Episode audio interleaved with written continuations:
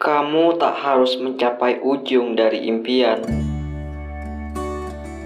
Kegagalan sering kali melampirkan petuah, perihal menikmati yang sesungguhnya pahit, menerima yang sering kali tertepis, dan mensyukuri yang sesungguhnya manis.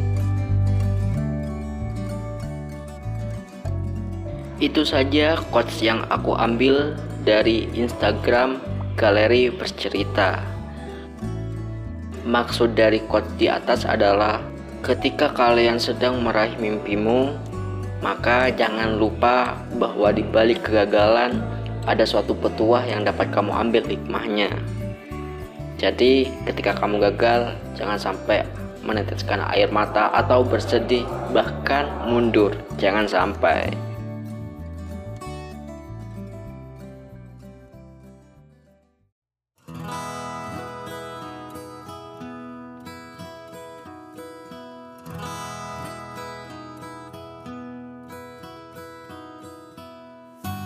Assalamualaikum warahmatullahi wabarakatuh.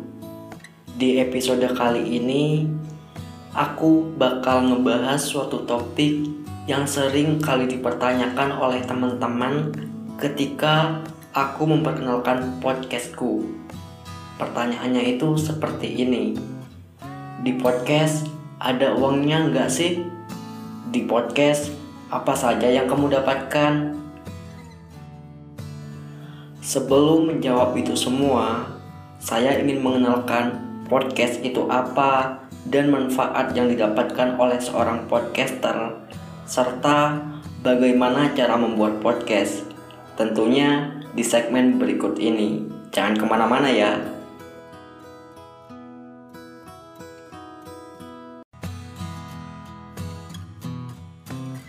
Terima kasih untuk kamu yang tetap stay di podcast ini atau episode ini.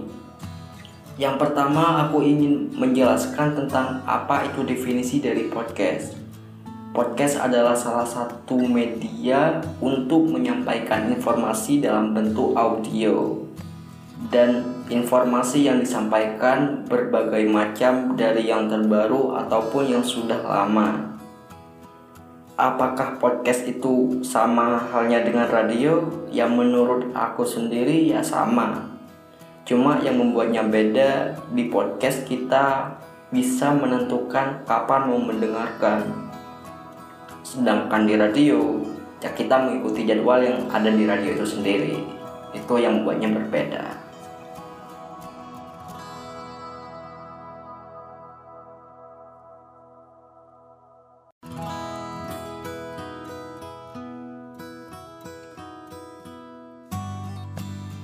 Yang kedua adalah manfaat yang didapatkan oleh seorang podcaster. Ngomongin soal podcaster ini ya, jadi podcaster itu adalah sebutan atau julukan yang ditujukan kepada seseorang yang menyediakan konten podcast. Jadi contohnya, semisal seseorang memiliki podcast, jadi dia disebut seorang podcaster. Jadi jelas di sini ya, yang dimaksud ini adalah bukan kamu sebagai pendengarnya tapi manfaat yang didapatkan dari sang podcaster itu sendiri. Manfaat yang pertama adalah melatih public speaking. Kenapa public speaking? Ya karena podcast sendiri hanya terbatas terhadap dalam bentuk audio sehingga kita memerlukan sehingga dalam proses penyampaiannya kita memerlukan suatu public speaking agar konten yang kita suguhkan diterima publik atau sangat menarik untuk publik. Dan secara tidak langsung dengan membuat podcast kita sedang melatih public speaking yang manfaatnya sangat besar untuk kehidupan kita. Dan yang kedua melatih kreativitas yang kita punya. Kenapa harus melatih kreativitas Ya, karena dalam podcast lagi-lagi terbatas dalam bentuk audio. Berbeda dengan video yang di situ ada visual sehingga kreativitas itu bisa dilakukan dari dari segi konten ataupun dari segi visualnya sendiri atau dari audionya. Sedangkan podcast hanya khusus kepada audio sehingga kita memerlukan suatu kreativitas dalam bentuk penyampaian suatu ide itu sendiri ataupun dari segi editing yang kita lakukan dalam mendirect suatu podcast itu. Terus yang ketiga dan yang terakhir ini manfaatnya itu mendirect suatu podcast. Kenapa harus mendirect? Seperti yang aku alami ketika membuat podcast, agar podcastku berjalan dengan baik, dengan satu minggu harus ada satu episode terbaru, maka secara tidak langsung dalam satu minggu itu sendiri aku membuat jadwal kapan harus punya ide, terus kapan harus recording, terus kapan harus editing dan kapan harus publishing sehingga secara tidak langsung proses mendirect suatu podcast itu dapat kita ambil hikmahnya. Itu saja manfaat yang didapatkan oleh seorang podcaster. Lagi-lagi ini dari sudut pandang saya pribadi. Berbeda halnya dengan ketika orang lain menyampaikan manfaat dari podcast itu sendiri.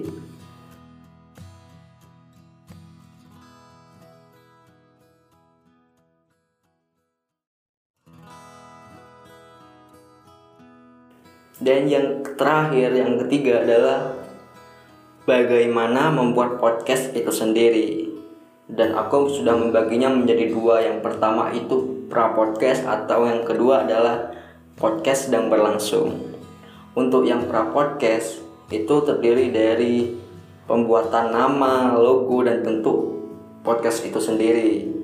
Untuk nama ya namanya juga podcast ya kan kita memerlukan suatu nama maka yang pertama itu harus menentukan nama itu dulu terus yang kedua itu bentuk. Bentuk ini maksudnya di podcast sendiri yang selama ini saya ketahui itu kan ada dua.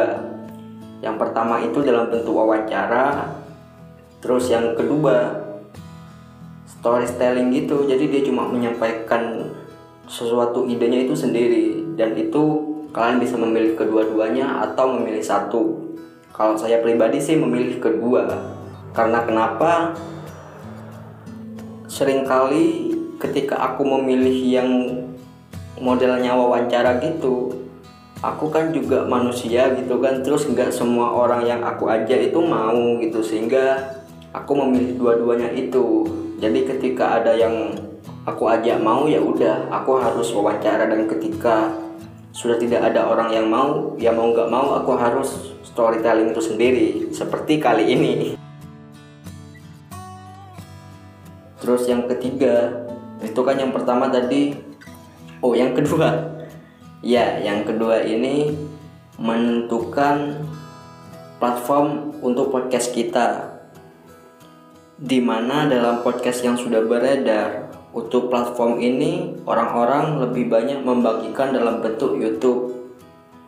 Dan sebagian juga ada yang tetap di Spotify yang memang sesuai dengan definisi definisi dari podcast itu sendiri. Jadi teman-teman bisa memilih entah itu di YouTube atau di platform lainnya. Yang selanjutnya adalah ketika podcast berlangsung. Jadi di sini ada beberapa tahapan. Yang pertama itu menentukan topik yang ingin dibahas. Kenapa harus menentukan ide? Ya, ini bertujuan agar podcast kita berjalan dengan baik. Lagi-lagi yang sering aku temui, podcast itu hanya berdiri sekitar 1, 2, 3 episode habis itu nggak ada kabar. Nah, untuk mencegah ini, ya kita harus memiliki ide setiap waktu lah. Kalau kalian mau membuat satu minggu satu episode, berarti dalam satu minggu kamu harus punya satu ide sudah jelas ini ya yang terus yang kedua adalah ada rekaman. Jadi kita harus merekam suatu ide yang sudah kita temui. Terus yang setelah merekam baru editing. Tujuannya agar podcast yang kita suguhkan itu terlihat lebih baik. Yang terakhir adalah publishing di mana dalam publishing ini dari beberapa podcast yang saya ketahui itu ada berbagai macam. Salah satunya ada yang diletakkan di YouTube dan ataupun ada diletakkan di Spotify yang memang tidak ada visualnya sama sekali. Jadi dia cuma lebih fokus kepada suara seperti tujuan ataupun definisi dari podcast itu sendiri.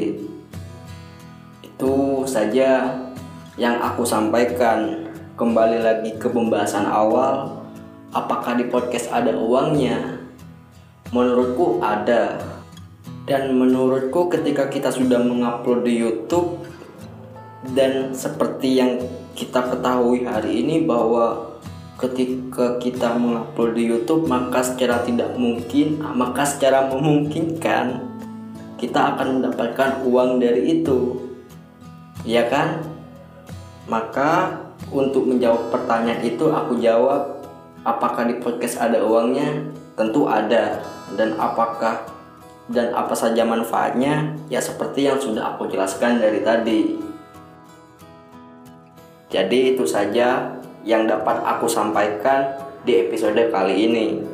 Terima kasih dan sampai jumpa di episode lain waktu. Terima kasih.